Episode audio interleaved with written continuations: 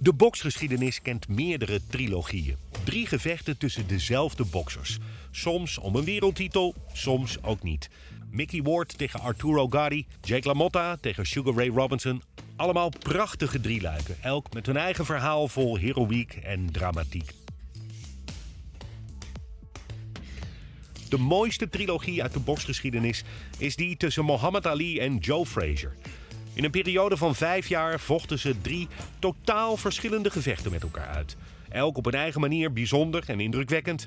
Met als slotstuk een wedstrijd die vrij algemeen beschouwd wordt als het beste zwaargewichtgevecht aller tijden. In drie afleveringen blikt Boksouwe terug op de trilogie Ali Frazier. Dit is deel 2 en gevecht nummer 2. Het vond plaats op 28 januari 1974 en kreeg de titel Super Fight 2. Het gevecht waarin Muhammad Ali uit was op revanche na zijn verlies in de eerste wedstrijd. Time is important here.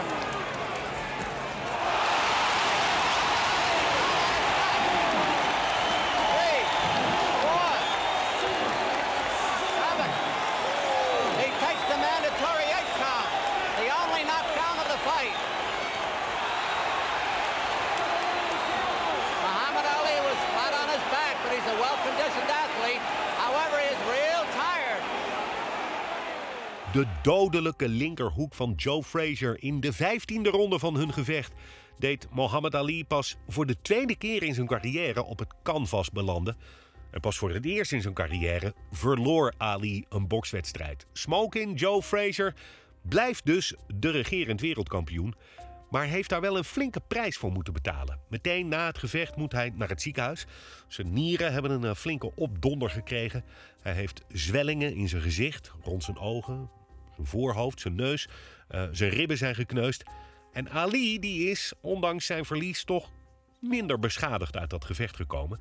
En hij is bovendien weer helemaal terug aan het boksfirmament. Hij heeft zich een vechter getoond die kan incasseren.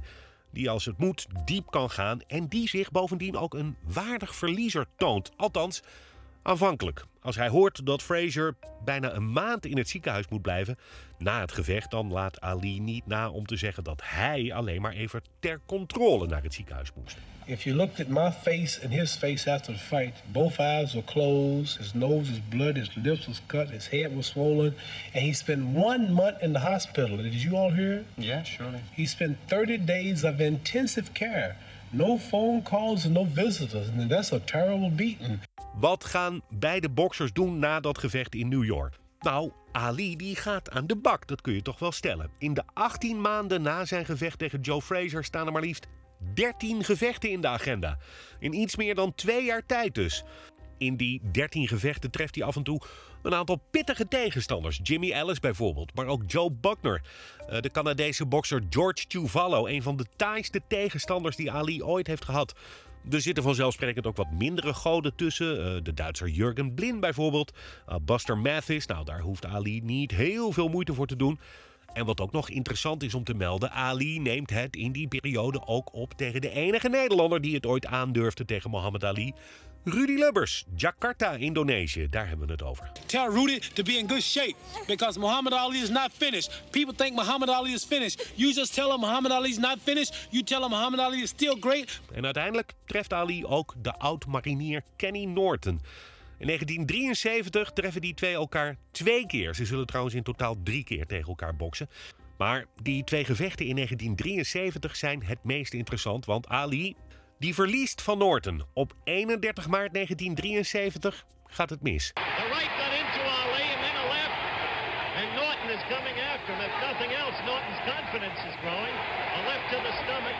Goed mis ook, want Norton breekt Ali's kaak in dat gevecht. Nou, zelf heeft Ali altijd gezegd dat dat al in de derde ronde van het gevecht gebeurde.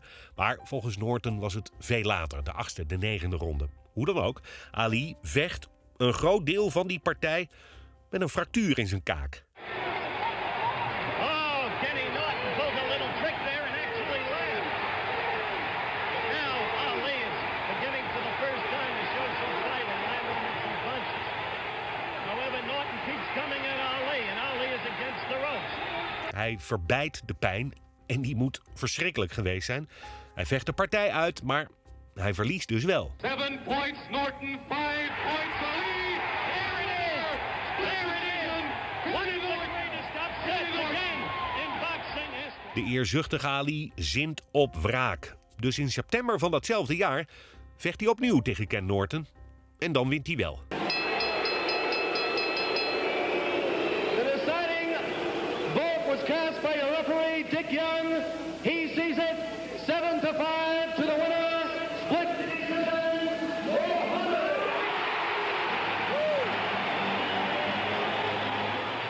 Maar goed, Ali is nog altijd geen wereldkampioen. En dat is Joe Frazier inmiddels ook niet meer. Die doet het trouwens een stuk rustiger aan. Na zijn gevecht tegen Ali stapt hij maar twee keer de ring in. Tegen relatief onbeduidende boxers. Ene Terry Daniels en ook ene Don Stander. Die potjes wint Joe Frazier allebei. Maar dan wordt het 22 januari 1973. We zijn in Kingston, Jamaica. Als Joe Frazier de ring instapt tegen de dan 24 jaar oude George Foreman. En dat had Joe beter niet kunnen doen. Down goes Frazier! Down goes Frazier! Down goes Frazier! The heavyweight champion is taking the mandatory eight count, and Foreman is as poised as can be in a neutral corner. He is as poised as can be. We have a minute left in this first round, and already this fight is proving out Een demasqué, dat mag je toch wel zeggen. Joe Frazier maakt geen schijn van kans tegen sloopbedrijf George Foreman... die na Frazier trouwens ook nog even gehakt maakt van Kenny Norton. En George Foreman wordt door iedereen gezien als de onbetwiste wereldkampioen. De onverslaanbare wereldkampioen. Foreman, intimiderend, sterk, boosaardig, gevaarlijk. Wie is er in godsnaam in staat om deze George Foreman te verslaan? Niemand durft het te zeggen. Maar goed, Ali is dus op jacht naar een titel die Joe Frazier dus net verloren heeft. En het tweede treffen tussen Joe Frazier en Muhammad Ali wordt dus een gevecht waar er geen titel op het spel staat. Een zogeheten non-title bout. Maar laten we eerst teruggaan naar de build-up, de periode voorafgaand aan het gevecht. Want er staat dan weliswaar geen titel op het spel. Er gebeurt toch het een en ander in de relatie tussen Ali en Frazier. Gebruikelijk is in de aanloop naar een groot gevecht, dat is nu zo, dat was toen ook zo. Je doet een rondje pers, je doet interviews, je komt op bezoek bij talkshows en je creëert, zoals dat dan heet, hype, reuring rond het gevecht. Nou, dat was Muhammad Ali natuurlijk wel toevertrouwd. En Fraser die speelt dat spelletje gewoon mee. Maar gaandeweg wordt dat spel venijniger. En er ontstaat iets wat eigenlijk nooit meer verdwenen is in de relatie tussen Fraser en Ali. Het wordt bitter, het wordt persoonlijker. Om in bokstermen te blijven, het zijn geen plaagstoten meer die uitgedeeld worden. Het wordt onder de gordel, het wordt gemeen. En eerlijk is eerlijk, het is vooral Ali die daarmee begint. I predict that when I meet Joe Frazier, this will be like a good amateur fighting a real professional. This will be like a kid out of the Olympics meeting the fastest heavyweight champion that ever lived. Ali zet de verhoudingen op scherp door te zeggen: Joe Frazier die is populair bij witte mensen, bij sheriffs, bij rednecks. Echte zwarte mensen, die houden van mij, Ali. En hij gaat nog een stapje verder. Getting sick and tired of all this mess. Joe Frazier, the heavyweight champion of the world. Clumsy, ugly, flat-footed Joe Frazier. I'll show you what a real champion is. Want Frazier is bij lange na niet zo mondig als Ali. Joe is gewend om zijn vuisten te laten spreken. Dus Joe Frazier die raakt hoe langer hoe gefrustreerder. Maar hij denkt ook, lekker dan. Ik heb me sterk gemaakt om Ali terug in de ring te krijgen. Ik heb hem financieel ondersteund. Ik heb notabene de eerste wedstrijd van hem gewonnen. En nu is hij, Ali, mensen tegen mij aan het opzetten. Hij is me van van alles aan het beschuldigen. Hij noemt me een beperkte bokser. Hij noemt me eh, naïef. Hij noemt me simpel. En die spanning tussen Ali en Fraser die komt tot een hoogtepunt, of misschien wel een dieptepunt, als ze allebei te gast zijn bij Howard Cosell, de bekende Amerikaanse sportcommentator. In die uitzending blikken ze allebei terug op het eerste gevecht. He gonna bring up the hospital. You bring up the? I went to the hospital for why, why you figure I'm ignorant? I went to the hospital for why, why you think I'm ignorant? Man, you know, sit down. Sit down, man. Sit down, Joe. Why you think I'm ignorant? Sit down, Joe. Huh? Sit down quick. Why you think I'm ignorant? So, the brothers are here. doing this too? No. Sit down quick, Joe. Well, we're having a scene, as you can see, and it's hard to tell whether it's clowning or for real between the two fighters. This kind of thing is been going on all along in terms of promotion of the fight, and this time it seems to be for real because Joe Frazier is really angry. Muhammad called him ignorant, and he's really angry. En een week later, op 28 januari 1974, staan beide boksers opnieuw in een uitverkocht Madison Square Garden in New York voor het tweede treffen. Joe Frazier tegen Muhammad Ali. Beide boksers krijgen uitleg van de scheidsrechter Tony Perez. En de trainer van Ali, Angelo Dundee, die maakt van de gelegenheid gebruik om Perez te vragen om goed op Frazier te letten. I enforce the rules. I want you to be sure of the hip punches he throws and the low blows. I enforce the rules. Het gevecht begint. Waiting for the bell for round one, and there it is, and here's Don Dumpy. Thank you, Van Patrick. En de vorige keer speelde dat gevecht zich zeker in het begin in het midden van de ring af. Maar dit keer verloopt het anders. Vooral Ali vecht op een totaal andere manier dan de vorige keer. Fraser niet. Die is in die zin een wat beperktere bokser. Die kent maar één tactiek en één richting. Naar voren. Slippen, baben, weaven, de bekende peekaboo-style. Nou, Ali niet. Die is in dit gevecht bewegelijker. Eh, voortdurend in beweging eigenlijk. Hij danst door de ring. En Fraser die achtervolgt hem. En Ali wacht eigenlijk tot Fraser de aanval inzet. Dan gaat hij wijdbeen staan en dan countert hij de stoten van Fraser.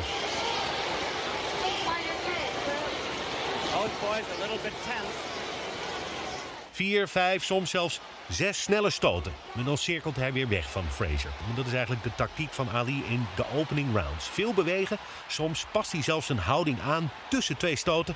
En dan is hij weer weg. Hij gooit jabs terwijl hij opzij en naar achteren beweegt. En dat is een manier van vechten die Fraser in verwarring brengt.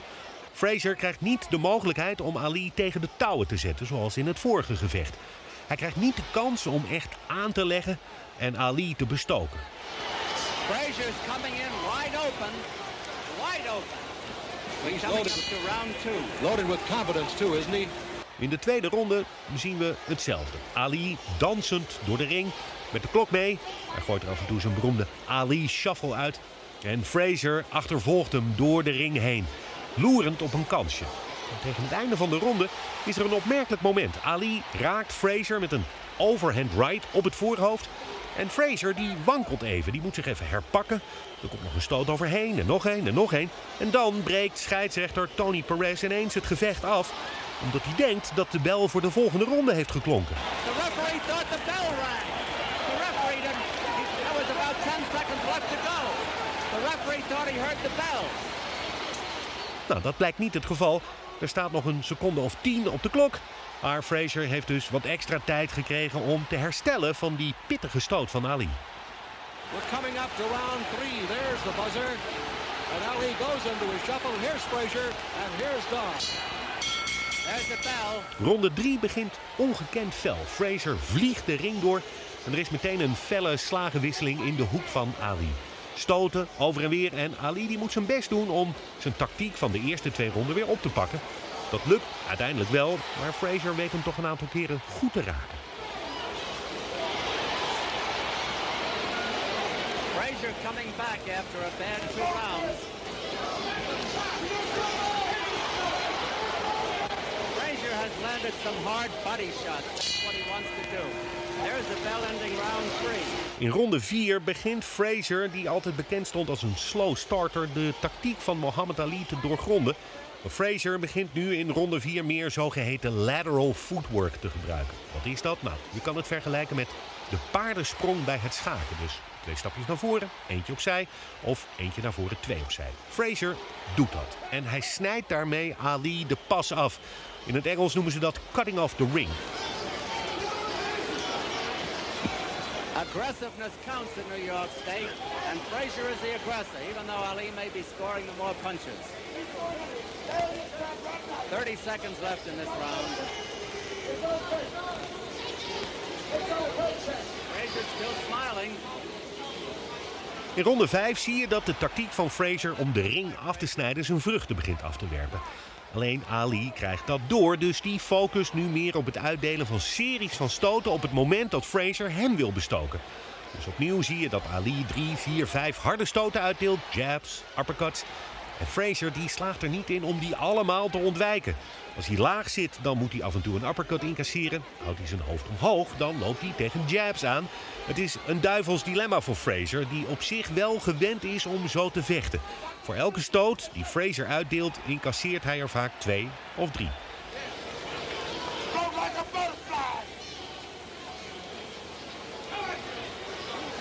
Frazier couldn't get set there even though he had Ali on the ropes. Frazier getting a little puffy around the right eye. Het probleem bij Fraser is dat hij Ali niet zo kan bestoken zoals hij dat in het eerste gevecht deed. Toen begon hij met stoten op het lichaam, zodat Ali zijn armen liet zakken. En dan volgde stoten naar het hoofd. Maar nu blokt Ali die lage stoten. En zodra Fraser naar het hoofd wil gaan, dan duwt Ali de arm van Fraser weg. Of hij grijpt hem bij het achterhoofd, zodat hij die stoten neutraliseert. But he couldn't follow through. The bell ending round five. They're applying an ice pack uh, on the uh, on his forehead. I don't see any particular swelling on the forehead. They're putting it below the right eye, which I said was uh, looking a little puffy. And here we go with round six. Coming up to the halfway mark of this 12-round bout En Ali weet die tactiek ook in ronde 6 vol te houden. Daarbij geholpen door het feit dat hij sinds de vorige wedstrijd tegen Fraser zijn grappling techniek enorm heeft verbeterd. Grappling is een begrip uit het worstelen. Het gaat erom dat je in een clinch de armen van je tegenstander onschadelijk maakt door ze vast te klemmen of door ze van je af te draaien. Echt goede boxers die beheersen het grappling tot in de puntjes. En het is een dankbaar wapen, want het berooft je tegenstander van zijn wapens en het put hem uit. Worstelen met je tegenstander is zo mogelijk nog vermoeiender dan boksen. Ali keeping off balance.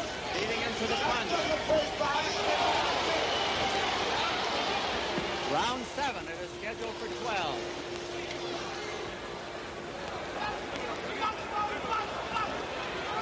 Maar in ronde 7 en ronde 8 is Ali het even kwijt. En dan neemt Fraser het gevecht over. Hij weet dan eindelijk zijn beste wapen, de linkerhoek, effectief te gebruiken. Frazier has come on tremendously. Ali is doing the holding. Die gevreesde linker, waarmee hij het eerste gevecht had gewonnen. There's, here's Muhammad Ali going back to his corner. And there's no question that uh, Frazier stung him with that good right hand. And those two hard left hands. In ronde 9 herpakt Ali zich. Hij valt weer terug op zijn tactiek aan het begin van het gevecht. Dus snelle stotencombinaties, snel wegbewegen van Fraser. Hij countert de stoten van Fraser goed. En hij weet Fraser bijna te vloeren met een gemene uppercut aan het einde van ronde 9.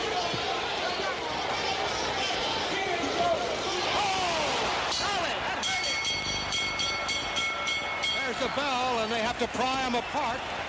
And he seemed a little arm weary. He might have punched himself out quite a bit. He has slowed down. That blow that landed just before the bell took its toll. He doesn't seem to be in any deep trouble. He just seems to me to have tired a bit, Don. I, I thought his arm tired in the last round. Fraser realiseert zich aan het begin van ronde 10 dat hij eigenlijk een knockout nodig heeft om deze partij nog te kunnen winnen. En daar gaat hij ook voor in ronde 10. Maar daarin merkt hij dat de vermoeidheid een rol gaat spelen. Ali's tactiek en zijn eigen manier van vechten hebben hem uitgeput.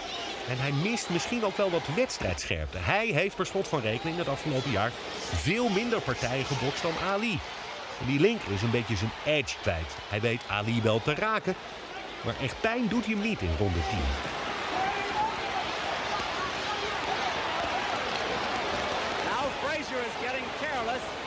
And Ali is cut-shotting him. Less than a minute to go in the round.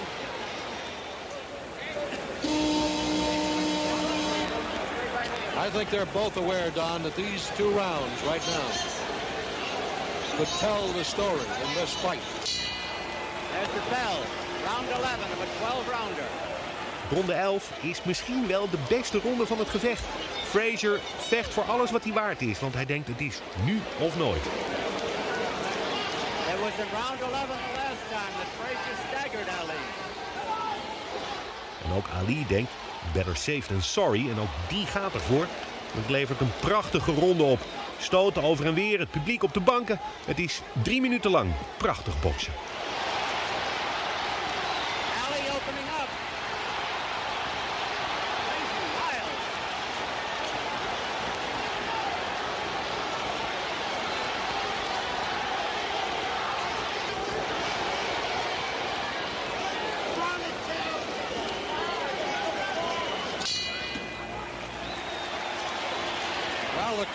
Crowd it, and uh, it's just been amazing to me that two heavyweights can punch it out the way they have for 11 rounds. They are superbly conditioned, and we're getting ready to go now into the final round at Madison Square Garden. Frazier's already out there.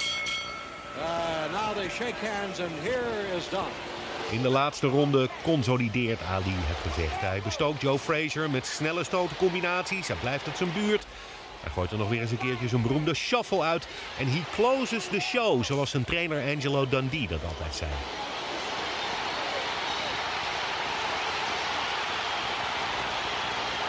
What a finish!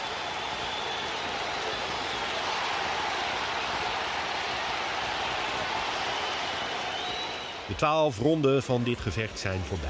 Een gevecht waarbij er dus geen titel op het spel stond. Was het een spektakel, net als de vorige keer? Nee, dat niet. Eh, geen knockdown, minder strijd. Met name Ali vocht fel, maar wel voorzichtiger. Nam wat minder risico. Was het dan een goed gevecht? Jawel. Ali en Fraser hebben zich niet ingehouden. Ze waren net als de vorige keer op momenten aan elkaar gewaagd. Ze hebben het publiek een prima bokswedstrijd voorgeschoten.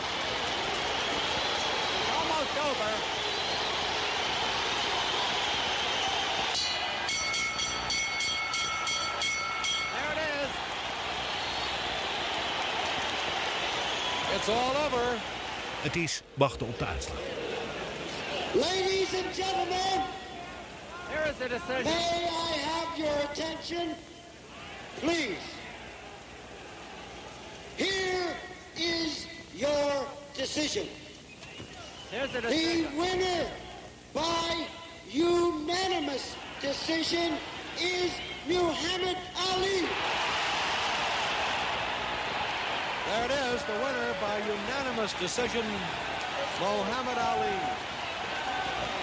Muhammad Ali. Muhammad Ali wint dus dit tweede treffen tegen Joe Frazier. En dat is gezien het verloop van de wedstrijd eigenlijk wel een terechte uitslag. Maar goed, er stond dus geen titel op het spel. Die is nog altijd in handen van George Foreman. En die titel, ja, daar is Ali op uit. En dus gaat hij vrijwel meteen na dat tweede gevecht tegen Frazier opnieuw in training om zich voor te bereiden op een gevecht dat later datzelfde jaar zal plaatsvinden in Kinshasa, Zaire. Maar goed, Ali en Fraser, ze hebben dus twee keer tegen elkaar gevochten. Eén keer winst voor Fraser, één keer voor Ali. Dus een derde gevecht tussen die twee, dat gaat er ook komen. Dat gaat wel even duren. Pas in 1975 treffen ze elkaar weer op de Filipijnen. En dat gevecht, Ali Fraser 3, The Thriller in Manila, is niet alleen het laatste en beslissende hoofdstuk in deze trilogie. Het is ook een van de meest epische bokspartijen ooit. Wat Fraser en Ali gaven daar op de Filipijnen, dat grenst aan het ongelofelijke. Daarover meer in een volgende aflevering van Bokshouden, de podcast.